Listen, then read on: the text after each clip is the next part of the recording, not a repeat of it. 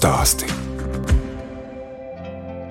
Es atceros, ka 22. februāris brālis saka, ka stāv armija pie Ukraiņas robežas.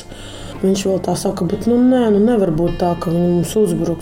Un tad mēs ātri biedrībā taisījām sapulci un plānu, ko mēs darām, ja tas notiks. Un tad kāds saka, nu tā nevar būt. Nu, neviens netic. Un tad 24. februāris manā vārda dienā. Tad mēs uzzinām, ka 5 no rīta sākās. Tā 24. februāri pirms diviem gadiem atceras Diana Kačane. Es, Daina Zalamane, šoreiz ciemojos pie jaunas sievietes, kas piedzimusi Latvijā un ir Latvijas pilsone. Viņas tētis ir latvietis, bet mammas dzimtā ir gan krievi, gan ukraini, un karš Ukrainā skāris viņu ļoti personīgi. Diana pameta darbu veikalā un uzsāka pati savu mazo biznesu, izveidoja nelielu šūšanas darbnīciņu, lai brīvo laiku veltītu Ukrainas bēgļu atbalstam.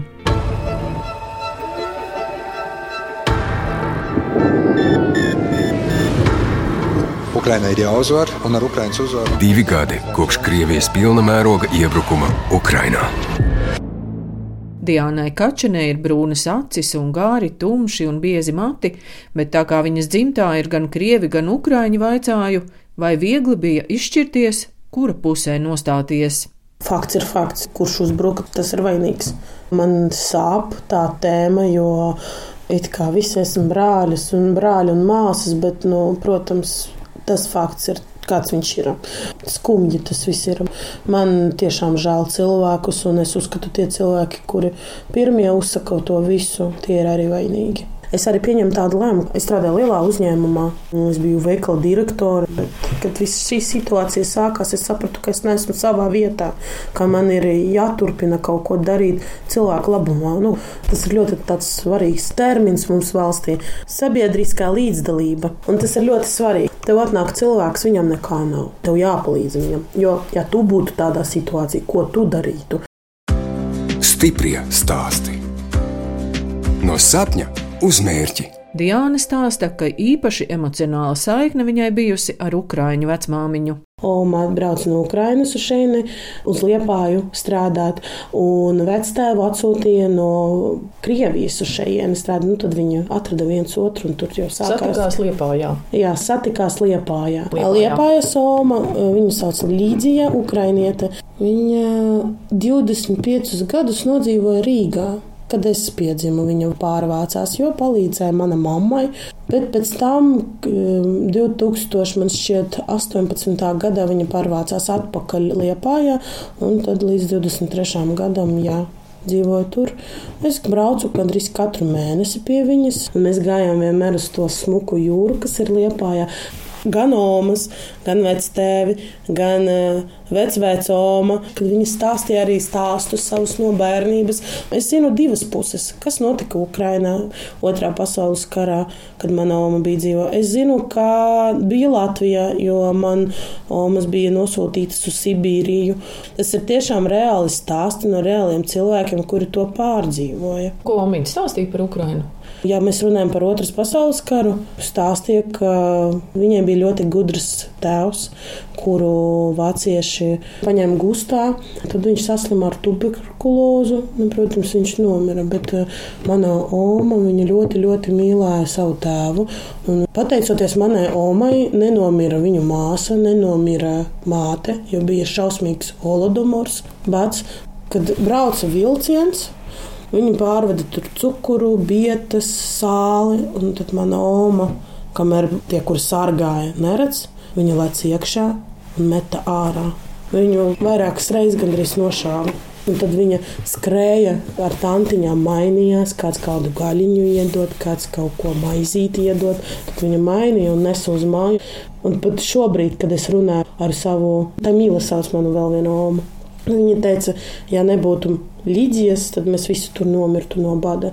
Un pateicoties Somai ar viņas tādu raksturiņu, man šķiet, ka man dažreiz ir viņas raksturiņš arī ar savu tādu mīlestību pret dzīvi un palīdzēt visiem, tad viņa arī tā arī izauga. Kā tas tā iznāca, ka bērnu dārzā jūs gājāt latviešu, bet skolā krievu?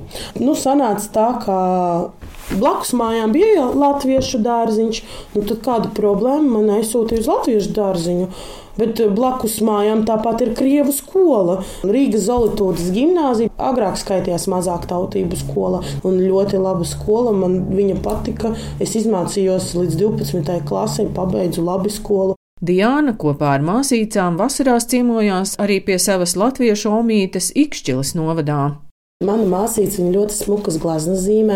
Mēs laukos vienmēr, es atceros, kā mēs sēdējām četras stundas pļāvā, kad viņa vajadzēja zīmēt portretus. Un jūs pozējāt? Nu, jā, un tad lūdzu, tu ātrāk vari. Nu, sēdi mierīgi. Vidēji māsīca, viņa spēlē flautu, un tad tu sēdi pļāvā, a otra spēlē mājās flautu. un tad Oma tikai sāc meitene, sējāt ēst. Viņai patika daudz taisīt ēst. Viņa dzīvo ķēngarāgā. Nu, viņa brauc uz laukiem, tas ir viņu fitnes. Un tad viņa saka, oi, nu droši vien es neesmu garšīgi uztaisījusi. Tad, nē, Oma, ļoti garšīgi. Kāpēc jūs nēdat? Mums bija savs tāds orbīts, kā mēs saucam. Mēs ņēmām skābenes ar zemeni, kopā tinam un ēdam, un tas bija tik garšīgi. Un tad mēs saucām, nu tas ir mūsu superpuper orbīts. nu, jau kā bērni. Kolorado arī lasījām, tas bija viss tāds vabolis. Vaboli. Jā, un tad mēs izdomājām savu veidu, kā ātrāk viņus lasīt. Mēs ņēmām spainīt un kratījām, lai tie visi nokrīt. Spa, jā, nokrīt spainīti, un viņus jāiznīcina, nu, jo citādāk viņi kartupeļus apēd. Bet vismieklīgāk tas vabolis nēda vistas, mēs, kad viņus nesam vistām. Mums tur dzīvoja agrāk mana somas mamma. Mums bija govs, mūsu Latvijas šķirna, tā brūna, brūna. govs, kur ne vienkārši pienu dod, bet krejumu. Mana oma ir hiperaktīva. Mana oma pat lec ar izplatni. Man ir ļoti aktīva forša oma. Viņa sauc Elizabete. Viņa ir ļoti smuka sieviete un nu, tiešām forša. Starp citu, viņa arī šūja. Tad man vairāk tā šūšana ir no viņas. Jo pārējie visi tur bija dziedāšana no manas omas puses un tāds strādīgums, bet no tēva puses mana oma viņa pat eh, pasniedz eh, Rīgas modes nams. Viņa man šeit tur arī strādā un pasniedz. Un viņa, viņa Tiešām ļoti gudra sieviete un forši māca piegriezt no jebkā. Viņa tik smukus mēteļus šūja. Viņa bieži mums kaut ko šuva agrāk. Bet manai omai ir 80 gadi pāri. Tā kā jā, viņa diezgan aktīvi joprojām cenšas būt. Diana jau no mazotnes bija ļoti aktīva, kad veselības problēmu dēļ nepabeidza mūzikas skolu, darbojās dažādos pulciņos. Izvēlējos dejošanas pulciņu, šūšanas pulciņu, teātra pulciņu, angļu valodas pulciņu, pērlīšu pulciņu, bet es visur paspēju. Es nekad nebiju mājās, es mācījos skolā, tad paliku bišķiņ vairāk bibliotekā, pildīju mājas darbus, tad es skrēju uz teātra pulciņu. Man ļoti patika spēlēt teātra pulciņā. Vecāku jau es aizgāju uz Ukraiņu tautas teātri, kur joprojām vada Marija Semēnava, kur ir Ukraiņu godāta skolotāju, arī viņa strādāja Ukraiņu skolā. Pateicoties Ukraiņu teātrim, es iemācījos brīvi runāt ukraiņiski un diezgan labi rakstīt. Pateicoties tam, šobrīd es arī sadarbojos ar cilvēkiem, kuri vajag tulkošanu, un es tulkoju no latviešu valodas ukraiņiski un no ukraiņiski latviešu valodā. Es satiku 2008. gada ļoti foršu skolotāju, mūzikas skolotāju manā skolā, kur bija ukrainieta un teica, tev ir tāds talants un harizma, Viņa saka, tev jāiet dziedāt, tev ir tāda balss. Tad viņa man palīdzēja iestāties atpakaļ mūzikas skolā. Es aizgāju uz kora klasi. Tad no kora klases aizgāju dziedāt kā soliste, un tad es ir pīvākā vokālais pedagogs. Turpināju mācīties, bet es aizgāju dekrētā, un šobrīd es vēl neesmu pabeigusi, bet kādreiz es pabeigšu. Šobrīd jārisina citas problēmas, piemēram, kā atbalstīt bēgļus, ar brīvprātīgiem strādāt. Tas šobrīd ir aktuālāk. Stiprie stāsti. Mans ceļš un pieredze. Ciemojos pie Diānas Kačanes, kas jau divus gadus palīdz bēgļiem no Ukrainas. Ar viņu tiekamies Mārupes novada piņķos, kur daudz dzīvokļu mājā atrodas viņas mazā šūšanas darbnīca. Interese par šūšanu Diānai radusies skolas laikā. Es šuvu astoņus gadus. Un man bija tik forša pasniedzēja Astra. Viņa man pasniedza bērnu un jauniešu centra Zolītūdī. Tagad tā ir Altona. Un tad, kad es jau mācījos par pedagogu un atnācu tur strādāt, vadīt muzikālo pasaku, es vienalga gāju tur mācīties šūtā. Mammai šuvu daudz ko, viņai patika mani darbi. Vienreiz es atceros, mēs aizgājām uz teātri, un mammas draudzene saka, kur tu tādu kleitu nopirki? Es saku, nu, meitušu. Nu, ko tu stāsti? Nu, tādu kleitu nu, nevar uzšūt. Tā ir pārāk profesionāla. Tu paskaties, kāds dizains. Un es tā stāvu, saku, bet es to uzšūnu. Es nedomāju, kādreiz es tā šūšu un kaut ko pārdošu. Es aizgāju gala galā strādāt par veikalu vadītāju lielā uzņēmumā un strādāju par veikalu direktoru. Nostrādāju diezgan labu laiku. Tomēr tā sirds, kas ir mākslinieciskā, viņa vairāk gribēja kaut ko darīt. Un, pieņemu lēmumu, ka es būšu pašnodarbināta. Mēs šodien ar jums tiekamies Piņķos, jūsu darbnīciņā. Jā. Bet faktiski šis ir tāds mazs vienistabs dzīvoklītis. Nu, tieši tā. Kādreiz mēs ar vīru dzīvojam šeit, bet tagad mēs izveidojam te kā darbnīcu, kur var šūt mierīgi. Man ir klusas šūnu mašīnas.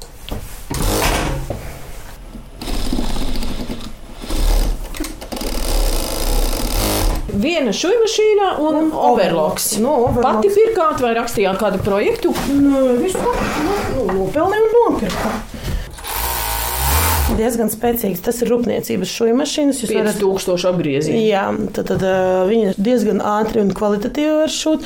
Manas drēbes vairāk virzītas uz plus size. Tas nozīmē lielie izmēri smukām meitenēm ar smukām figūrām. Tas nav tā kā mums šobrīd SM izmēri. Jā, veikalā. jā, jebkurā veikalā ir problēma ne tikai lielām dāmām, bet ļoti mazām dāmām. Piemēram, kuriem ir izmērs XXS, 3,4. Tas ir kuram pavisam, pavisam mazas meitenes. Parādīšu kleitu. Jā. Šis ir XS izmērs, tas ir līdzdabīgs. Diezgan daudz arī tādu vasaras tērpu. Nu, es vairāk gatavojos vasarai. Nu, es skatos tādas košas arī, tās kleitas un puķainas. Jā, audumi man pārsvarā ir visi dabīgi, lai cilvēki justos komfortabli. Man ir tāda terapija arī braukt autobus pirkt. Un, kad tu ieej kaut kādā veikalā, kur te jau pazīst, viņi saka, kafiju taisīt. un tad tu tā smējies. Saka, nē, nē, es šodien ātri. Viņi tad jā, jā, ātri. Un tad tu ar tādiem ruļļiem ārā un izmēģini uzšuju. Paskaties, ā, nē, labākais šādi šūs. Jo katrā kleitā, katrā mētelī visu, ko es šuju, ir ielikta dvēsele.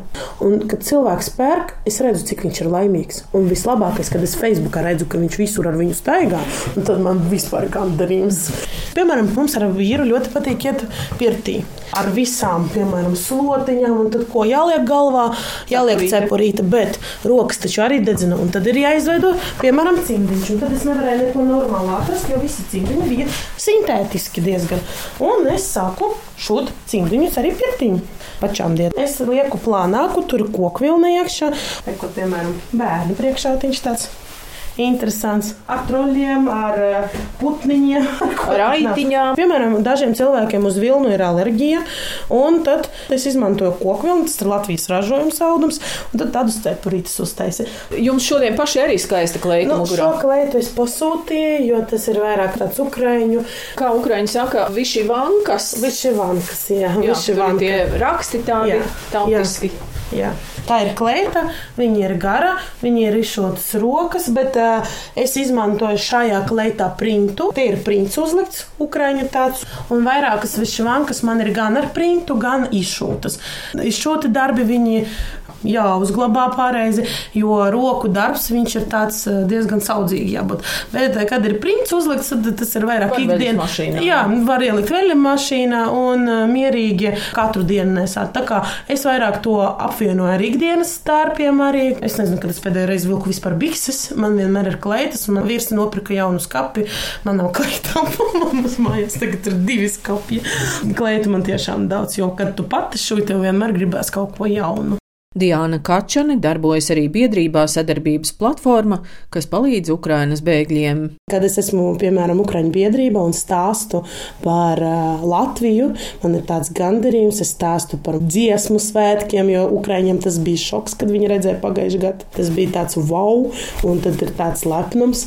Bet, kad, piemēram, es pārstāvu latviešiem Ukraiņu biedrību, tad es stāstu par Ukraiņu kultūru, cik tā ir forša. Un es vispār esmu tāds cilvēks, kurš par uh, mīlestību pasaulē tāds var pateikt. Man patīk sadarbība, man patīk, kad vairākas nacionalitātes ir kopā. Tad pasaule ir interesantāka. Un šobrīd sadarbības platformā ir tādas iespējas, kā mācīt latviešu valodu. Visas grupas ir pilnas. Jūs pati arī mācāt? Es nemācu, es esmu koordinators. Es atrodu cilvēkus, es viņam palīdzu. Ir vairāki posmi, kad cilvēks māca valodu.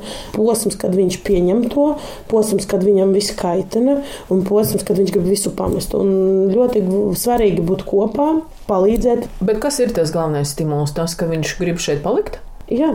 Un vēl pateicība, ka Latvija ļoti labi uzņem, ka daudz atsaucīgu cilvēku, un tā ir cieņa pret mums.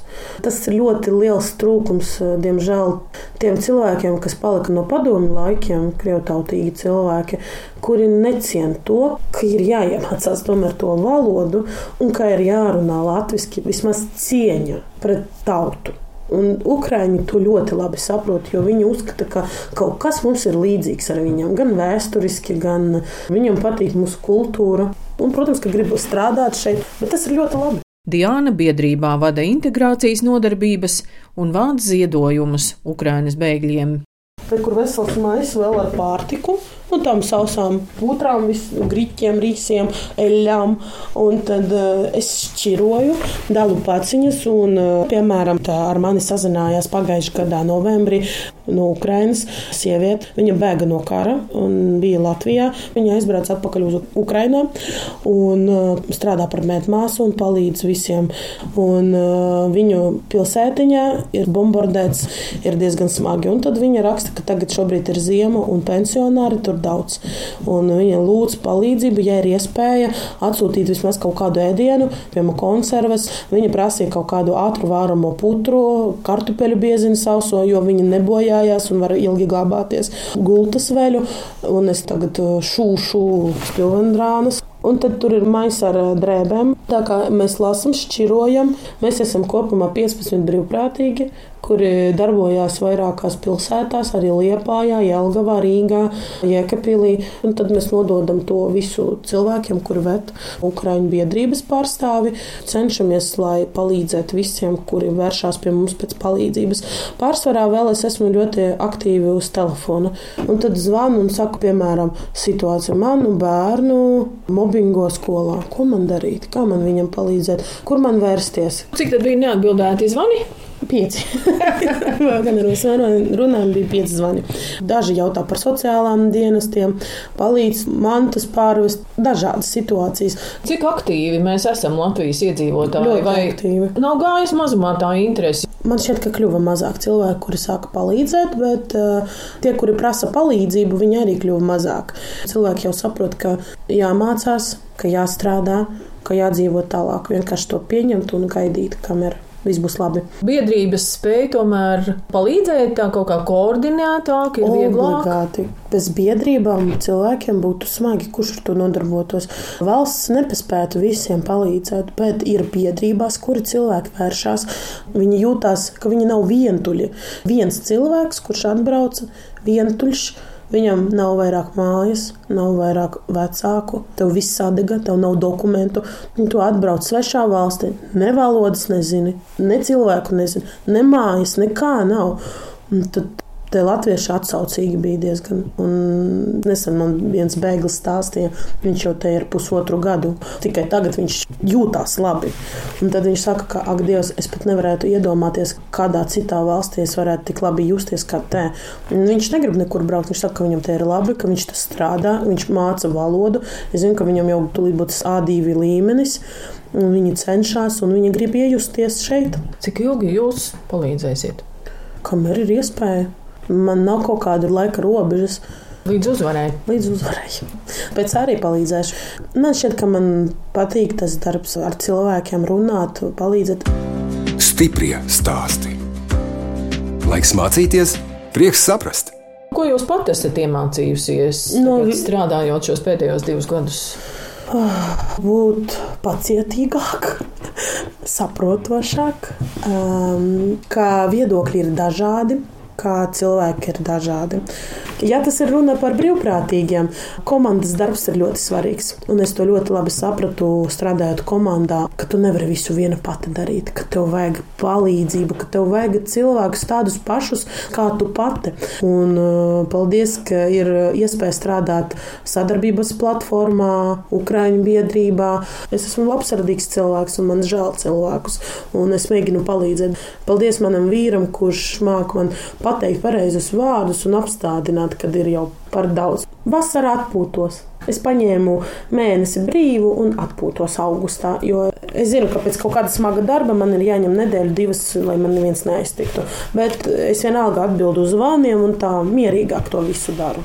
Mēs ar uh, draugiem bijām nesen Prāgā. Ar vīru novembrī mēs braucām uz Krakovu. Decembrī mēs ar vīru braucām uz Igauniju uz brīvdienām. Pateicoties sava vīra atbalstam, savas ģimenes atbalstam un atbalstam no draugu puses, kuri arī man palīdz kā brīvprātīgi. Mēs mākam to visu proporcionāli. Tāpēc arī vajag komandu. Ja tu, piemēram, nogursti, tu gribi paņemt brīvdienu, lai tev kāds aizvietotu, lai komanda tomēr darbs turpinātos.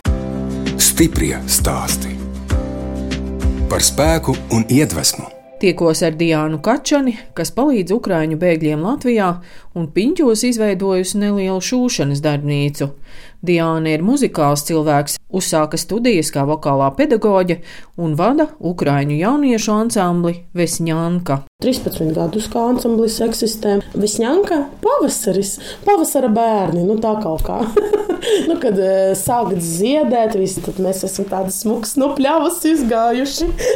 nu, tas ir tāds, mēs smejamies vienmēr. Pēdējais koncerts bija Červona Kalina augustā, kad man jau piedzima bērns, viņam bija trīs mēneši.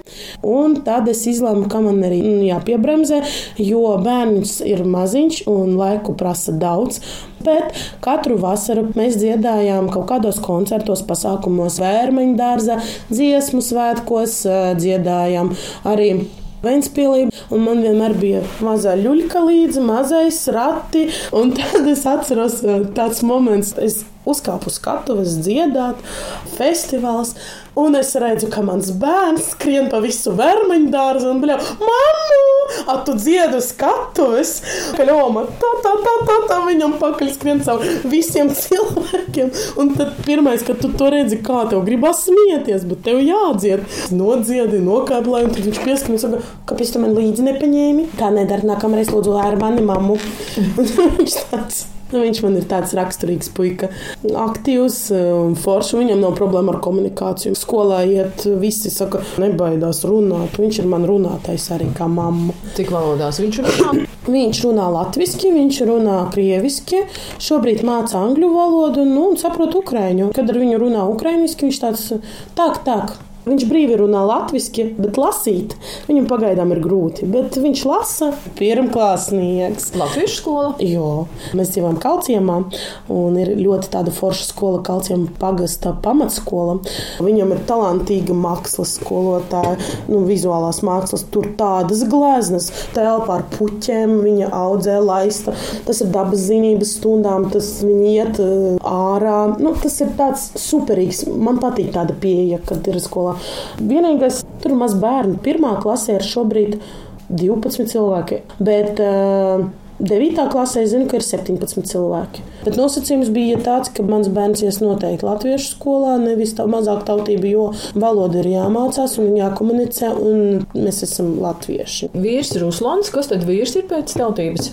Nu, arī latvietis. Viņš piedzima Latvijā. Vienkārši tēvam bija uzvārds Kačāns, gan Baltkrievu uzvārds, gan Ukraiņu uzvārds. Ko vīrs dara? Vīrs man ir arī ļoti daudzpusīgs cilvēks. Viņu mīlestība ir sports. Viņš ir Latvijas čempions kickboksā, amatieru līmenī, bet viņam bija certifikāts. Viņš trenēja arī bērnus. Bet tad, kad uh, es jau paliku stāvoklī, tad uh, mēs izlēmām, ka es mājās sēdēšu, ka man vajag vajag ar bērnu būt. Un vīrs sāka pelnīt. Šobrīd viņš strādā kalciemā, viņš ir ūdens attīrīšanas operators. Nu, arī ar celtniecību nodarbojos. Principā visus remontus, gan šeit, gan mājās, visu viņš pats dara. Kad mēs nopirkām dzīvokli un taisījām remontu, katru sestdienu, svētdienu mēs braucam celtniecības veikalā, tad ar mums jau sasveicinājās visi apsargi, visi pārdevēji, saka, labdien! Mēs, jūs, jā, mēs sakam, labdien, šodien mums vajag to un to. Piemēram, betonu pērkam, tad mēs jau pērkam kādas malas, ko jāapdara, tad spakeli krāsa, un saka, tad, nu, jau, tad jau nākamais būs kaut kāda mēbeles, un saka, jā, boila! Boileris, flīze un visu kaut ko, ko vajag. Un tad, tas ir tāds bija ļoti interesants moments. Un mums patīk pastaigāties pa mežiem, meža terapija. Mums ir kaķu terapija, mums ir divi kaķi mājās. Tad mums bērniem ir kaķu terapija, vajag pagaudīt kaķu. Mums patīk vispār ceļot pa Latviju, izbraukt kaut kādas pilsētiņas maziņas. Mēs īstenībā gandrīz visu Latviju izbraucam jau. Līdzi mums ir mangals gaļiņa sagatavot, tad mēs braucam, tad atrodam kādu vietiņu, hops, ātri šik, sacepam, paēdam, visi kopā iztrakojam, kaut kur izpeldamies, un tad braucam mājās, atpūtušies un tādi laimīgi. Patīk filmu skatīties, man patīk zīltiņu paķert, un tad virs viņam nepārāk patīk, bet viņš ar mani kopā iet. man ir hobijs cept kūkas arī. Tas nav tāds kā mans bizness, bet kad draugi kaut ko palūdz, Nu, tad es cepju. Man draudzenēm ir pārsvarā daudz bērnu ģimenes. Un uh, paši saprotiet, nopirkt kūku visai ģimenei no 8, 9 cilvēkiem. Tas ir pat traku. Man nesanāk mazāk par 3 kg. Nu, kādas ķīmijas jūs cepat? Biskvita, šokolādes, apelsīnu, rafaelo. Nu, viss kaut kādas man ir daudz variācijas. Diana iedziedājusi arī dziesmu kopā ar Kārli Kazāku un uzrakstījusi vārdus ukraiņu valodā. Latvieši jauc ukraiņus ar krieviem, kāpēc tā notiek. Un tad es vienkārši pastāstīju, ka mēs esam ļoti atšķirīgi gan valodas ziņā, gan kultūrā, dziesmās, valodā, temperamentā un viss tam līdzīgi. Un tad es viņam pastāstīju par Ukraiņu, par savu omu, par ģimeni. Un tad mēs uzdziedājām ar manu ansambli Vesņānku viņam arī. Un tad viņam ieradās domā dziesma, ko mēs varētu kopā veidot. Tad, tad viņš satikot mani uzrakstīja vienu tekstu, es satikot viņu, uzrakstīju otru tekstu un mums sanāca ļoti smuka dziesma. Un, uh, es atceros savu daļu, ukraiņiski. Tad mums sanāca ukraiņiski no sirds. Nebija tā, ka tu domā latviešu un pārtulko te uzreiz ar visu to tekstu tieši tajā valodā. Tāds stāsts. Es gribu dziedāt ar viņu kopā, lai mūsu balsis skanētu vienoti no pašas zemes līdz pašām debesīm. Un tad piedziedājums ir gandrīz līdzīgs to pašu, ko dzieda Kārlis. Sauc starp citiem balsīs savā. Es gribu, lai tu dzirdētu mani, manas jūtas, manas domas, manu mīlestību. Nu.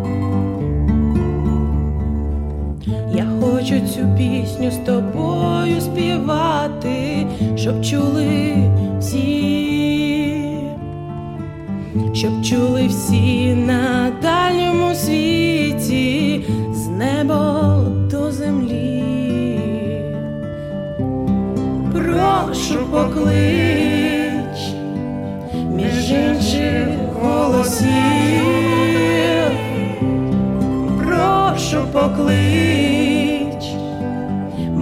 так треба твої почуття, прошу поклич між інших голосів, прошу поклич. Мені так треба твої почуття.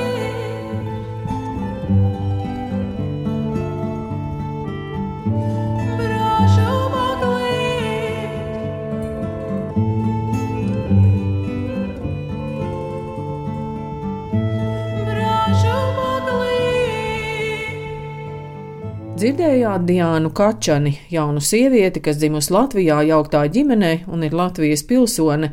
Diāna pārstāv vienu no biedrībām, kas jau divus gadus atbalsta Ukrainas bēgļus, un kopumā atbalstu Latvijā viņiem sniedz 90 labdarības organizācijas. Redījumu veidoja Dāna Zalamane un skaņu operātore Inga Bēdele. Uz tikšanos!